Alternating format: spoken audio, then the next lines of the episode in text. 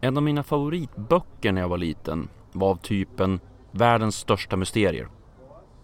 I den rymdes berättelser om allt från ufon och utomjordingar till spontan självantändning och sydamerikanska kristallskallar.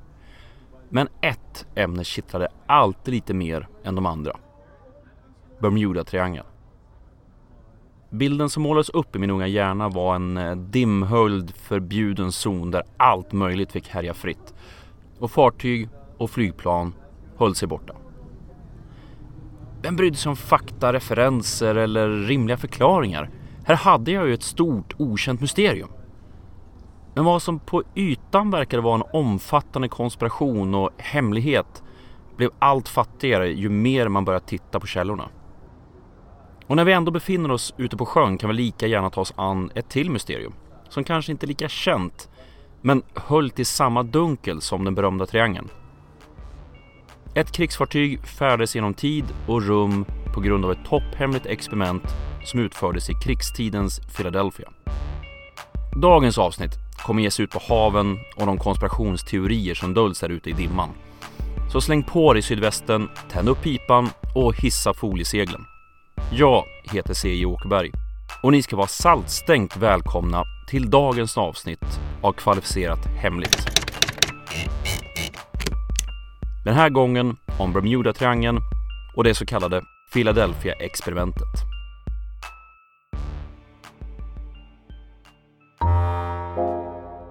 This program contains material and information that is vitally important to you and your future. It is sensitive information that until now has been kept secret. According to Allende, the Navy used a variation of Albert Einstein's unified field theory, which at that point in time was supposedly uncompleted.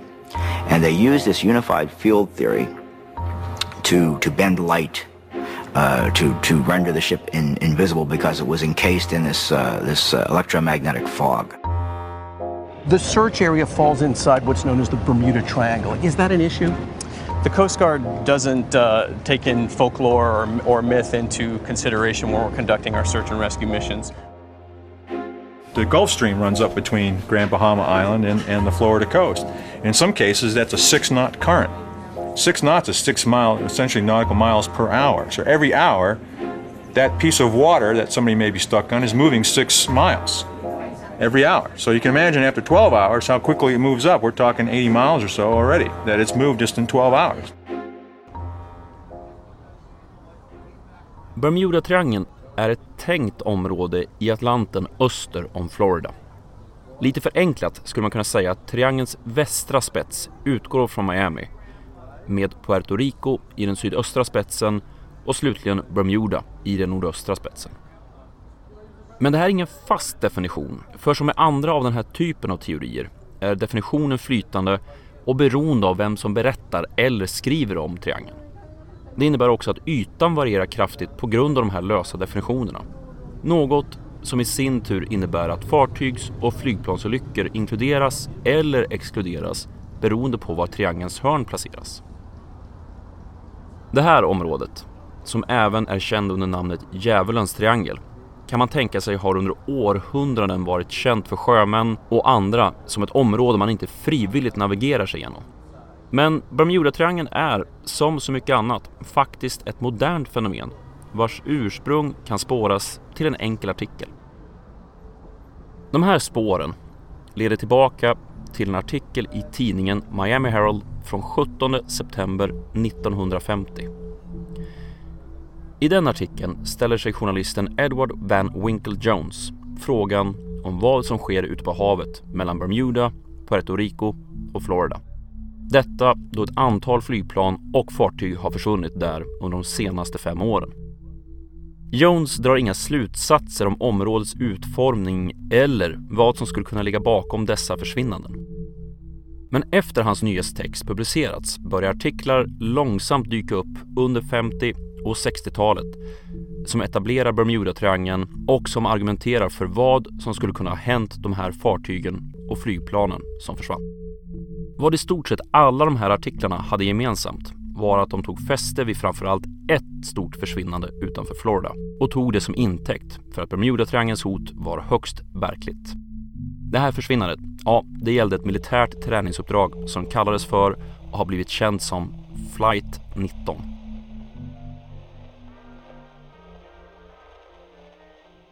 I början av december 1945, strax efter andra världskrigets slut, är det planerat att fem stycken mindre bombplan av typen TPB Avenger, Flight 19, ska ut på en navigationsövning. De här planen är inte de enda som ska utgå från Fort Lauderdale i Florida den här decemberdagen. Flera liknande övningar är planerade före och efter Flight 19. Flygningen leds av Charles Carroll Taylor, en löjtnant i amerikanska flottan. Och med sig har han 13 andra flygare. Den här flygplanstypen har totalt tre besättningsmedlemmar vardera och för den som är snabb på huvudräkning märker man att det saknas en person här. Det var på grund av att en av besättningsmedlemmarna redan hade genomgått den här delen av utbildningen och kunde hoppa över den. Men naturligtvis är det här något som senare kunde knytas till tron på Bermudatriangeln som konspirationsteori. Men mer om det lite senare. Navigationsövningen ska ta planen på en direkt östlig kurs från Fort Lauderdale i riktning mot Bahamas. Halvvägs dit ska man släppa övningsbomber mot mål på en liten ö och väl vid Bahamas ska man svänga mot en nordlig kurs över ön Grand Bahama för att sedan vända tillbaka mot Fort Lauderdale på en sydvästlig kurs. Ursprungligen skulle bombplanen lyft från Fort Lauderdale 13.45 men på grund av att Taylor själv är försenad till basen kan man lyfta först 14.10. Flygningen till övningsområdet, ja, den är händelselös och runt tre-tiden har sista planet släppt sina bomber och man fortsätter österut. Runt 15.40 nås så en löjtnant Robert Cox som leder samma typ av övningsuppdrag efter flight 19 av ett radiomeddelande från Charles Taylor. Taylor meddelar att båda hans kompasser har slutat fungera och han är osäker på var gruppen av flygplan befinner sig.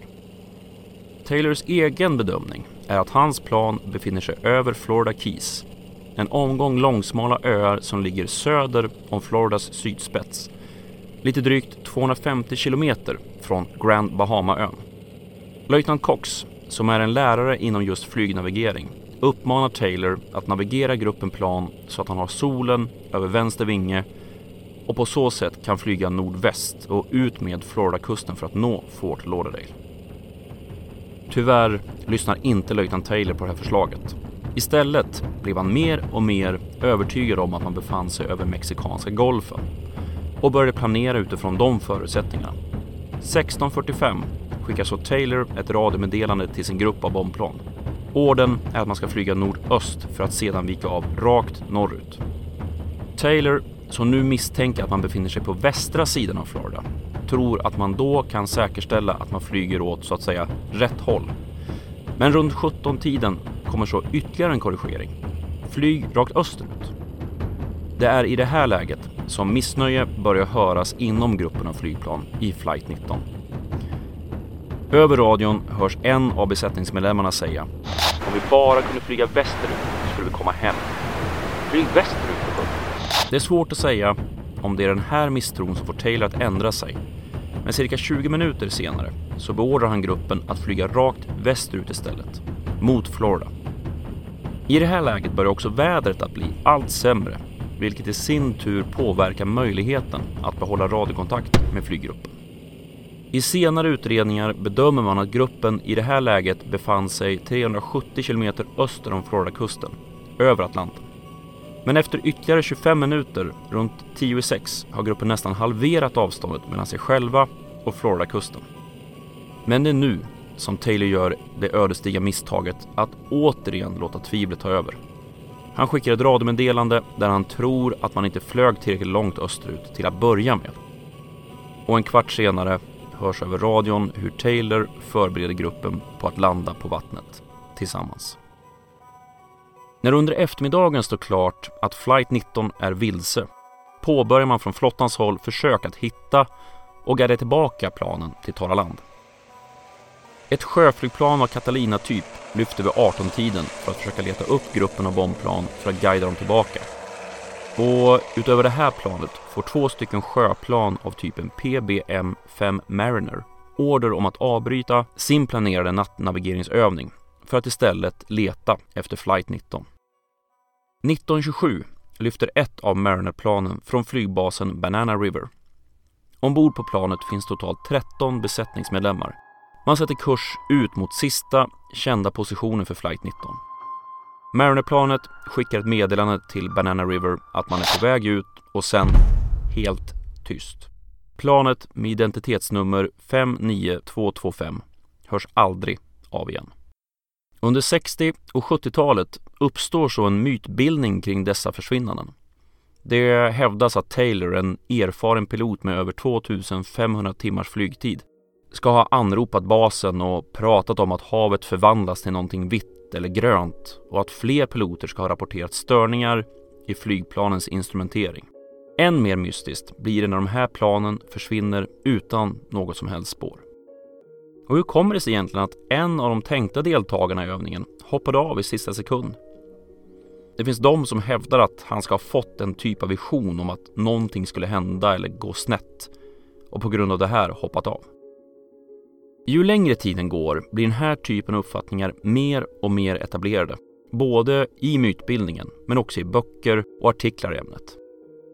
Men faktum är att eh, flygplanens försvinnanden inte är något mysterium. Man har en rätt god bild av vad som hände Flight 19 och Mariner-planet. Vi är tillbaka i december 1945. Genom triangulering via landbaserade radiostationer vet man att Flight 19 befann sig norr om Bahamas i slutet av sin flygning, en bra bit ute till havs. En aspekt av varför man hamnar i trångmål kan tillskrivas löjtnant Charles Taylor själv. Han hade som sagt många timmars flygning under bältet, komplett med erfarenhet från kriget i Stilla havet. Men det var också här som Taylor två gånger flög vilse och båda gångerna fick han helt sonika hoppa från flygplanet på grund av bränslebrist. Taylor var också känd på basen och bland kollegor som en slarvig person. Det faktum att han var försenad till sin egen övningsflygning är ett av exemplen. En misstanke finns också om att Taylor inte heller bar en klocka något som skulle försvåra navigeringen. I flottans haveriutredning framgår detta också, men eh, formuleringarna ändrades efter att Taylors mamma protesterat högljutt. Kanske var det någon form av eh, missriktad välvilja eller respekt för de döda, men förändringen bidrog tyvärr också till en än större mytbildning. Så, vi vet vad som hände flight 19. Men eh, Mariner-planet då? Det som försvann spårlöst? Ja, som ni kanske kommer ihåg hade man ett radioanrop vid halv åtta på kvällen. Och det var det sista man hörde eller såg av planet. Och det stämmer. Nästan.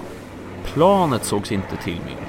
Däremot så rapporterade tankfartyget SS Gaines Mills samma kväll att man hade sett någon form av plan fatta eld vid 19.50-tiden följt av en massiv explosion ute till havs.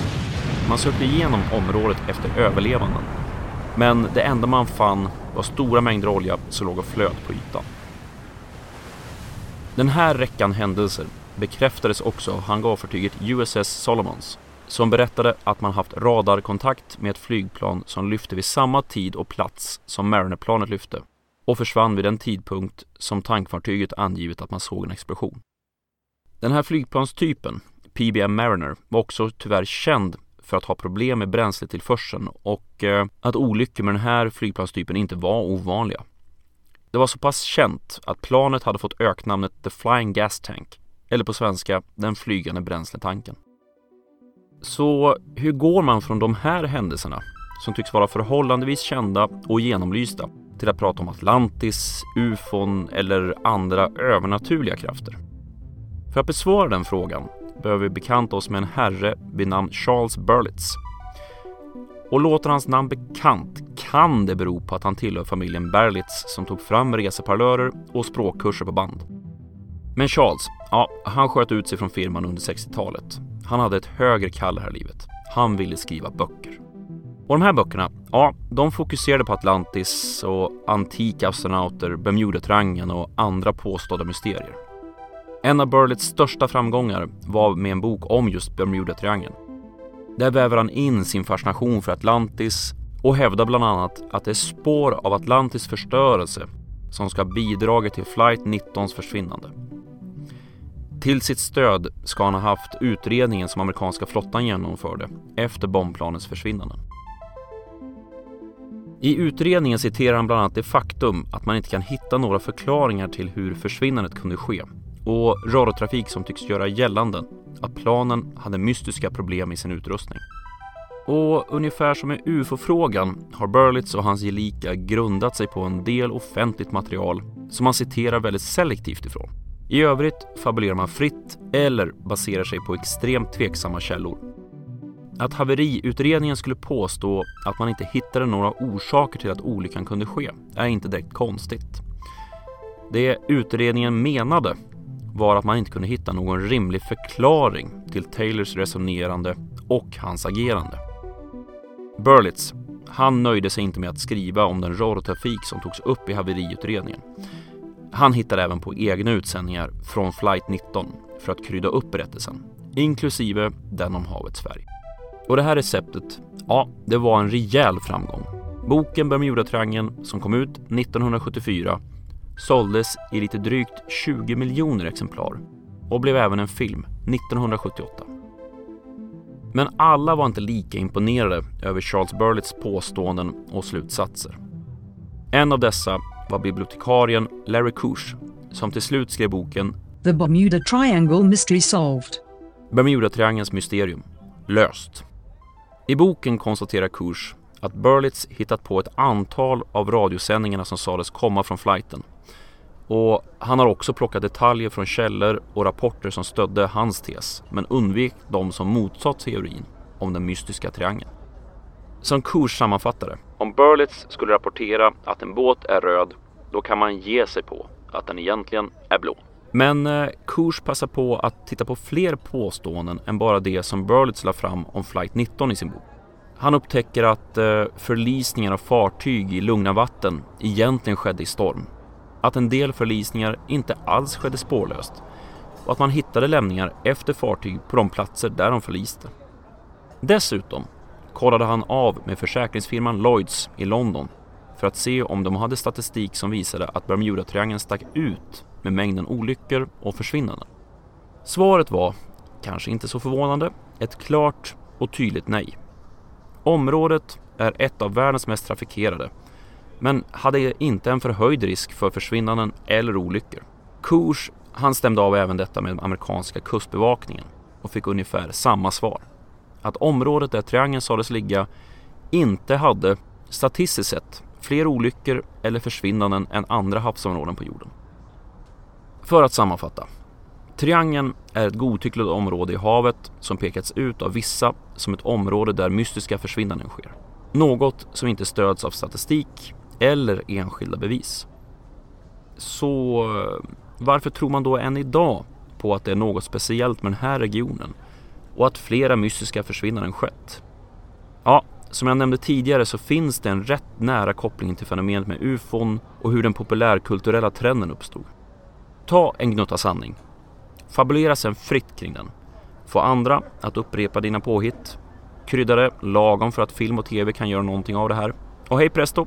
Har vi en myt som är ytterst svår att göra sig av med.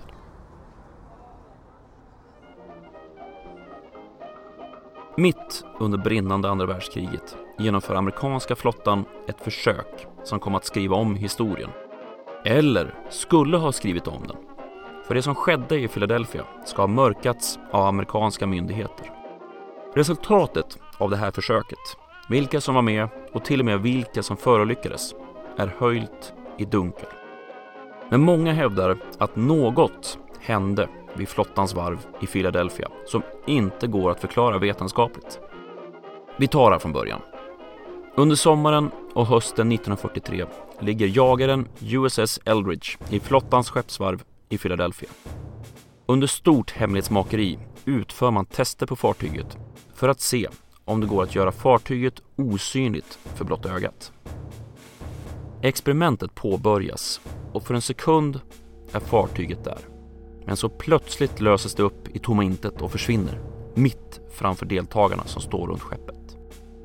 Men besättningen som befann sig ombord vid försökets början berättar om hur eh, skeppet tycktes omgärdas av en grön dimma. Att man färdades till New York, till en annan dimension, men också framåt i tiden. När experimentet avslutas är det kaos ombord på fartyget. Besättningsmedlemmar har blivit galna av det de sett. Men det finns också dödsfall bland matroserna. Till och med de vars kroppar smält samman med fartygsskrovet. Det som hänt måste hållas hemligt.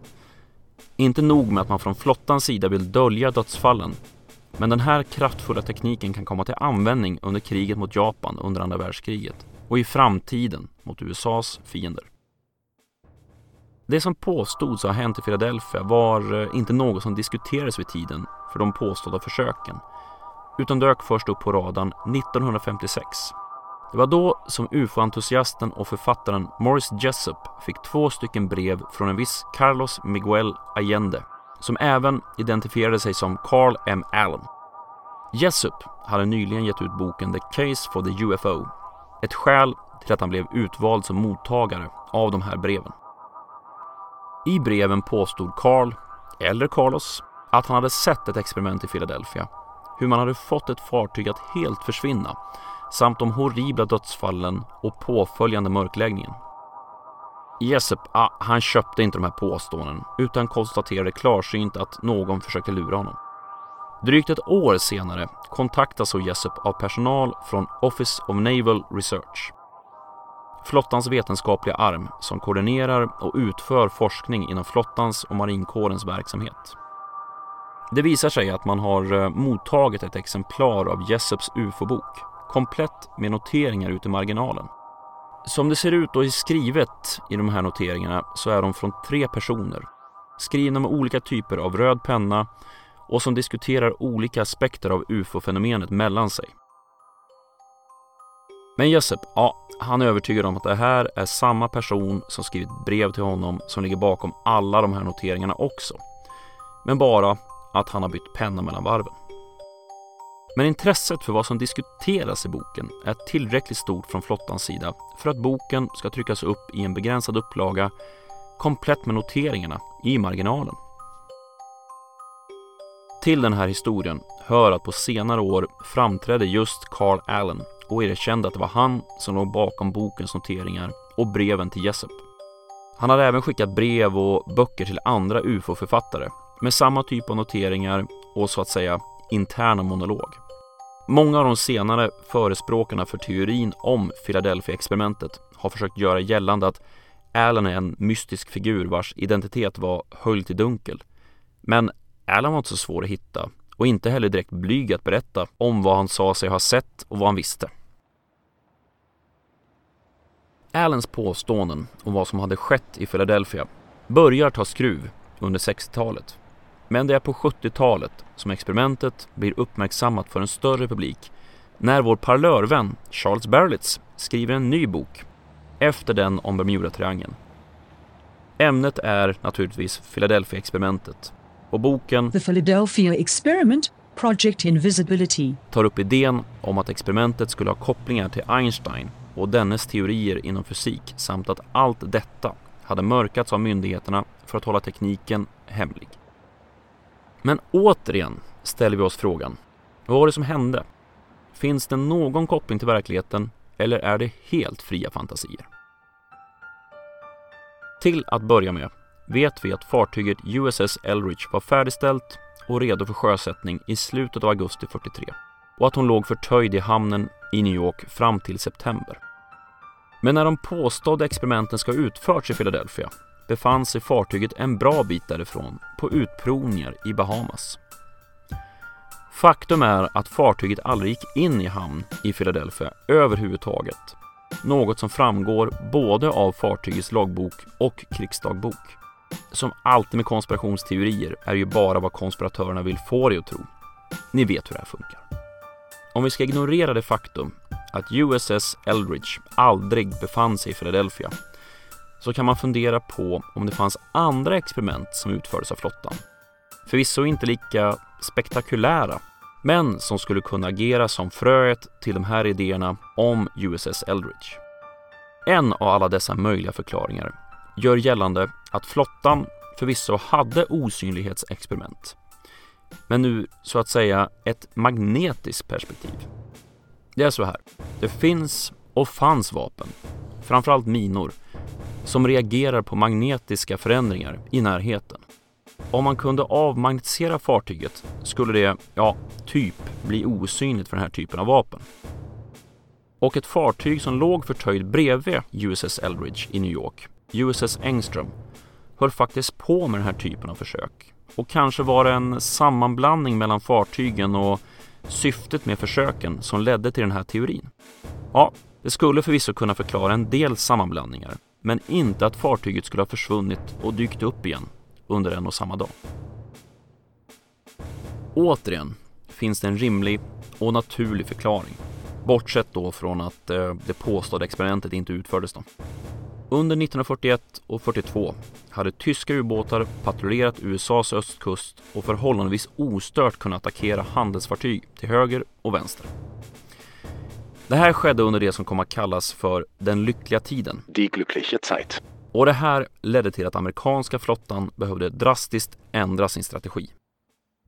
En av åtgärderna var att transporter mellan vissa amerikanska hamnar kunde ske genom kanaler utan att flottans fartyg behövde ge sig ut på öppet hav. I Philadelphias fall kunde man ta sig till bland annat flottbasen Norfolk genom att segla via Delawarefloden och vid Reedy Point svänga västerut upp på Chesapeake and Delaware Canal. Därefter var man ute på Chesapeake Bay och kunde ta sig till Norfolk, USAs största flottbas. Den här resvägen var också endast öppen för flottans fartyg, vilket i sig bidrog till än kortare transporttider. Den här resan, ja, den gick att göra på under en dag och det i sin tur skulle kunna förklara att till exempel matroser i Philadelphia kan ha sett ett fartyg som var borta på morgonen och tillbaka igen morgonen efter. Det finns säkert fler exempel där sammanblandningar, minnesluckor och missförstånd kan förklara hur en del detaljer har byggts på myten om Philadelphia-experimentet. Och liksom med Bermuda-triangeln finns det inte mycket att hämta när man väl eliminerar de påhittade källorna och bevisen samt alla falska påståenden som vår vän parlörarvtagaren Charles Berlitz bär ett stort ansvar för. Och när vi ändå är inne på konspirationsteorier finns det återigen en koppling till populärkulturen. Philadelphia-experimentet var tillräckligt kittlande som idé för att bli filmatiserad 1984 med Michael Paré och Nancy Allen i huvudrollerna. I don't believe this. The Eldridge has vanished. Of course she has. She's radar invisible. No, sir. She's really vanished. But one ship did disappear, and two of the crew suddenly find themselves in the present. I den här filmen fokuserar man mestadels på själva tidsresandet. Två matroser landar i filmens nutid och måste hitta sätt att ta sig tillbaka till 1943.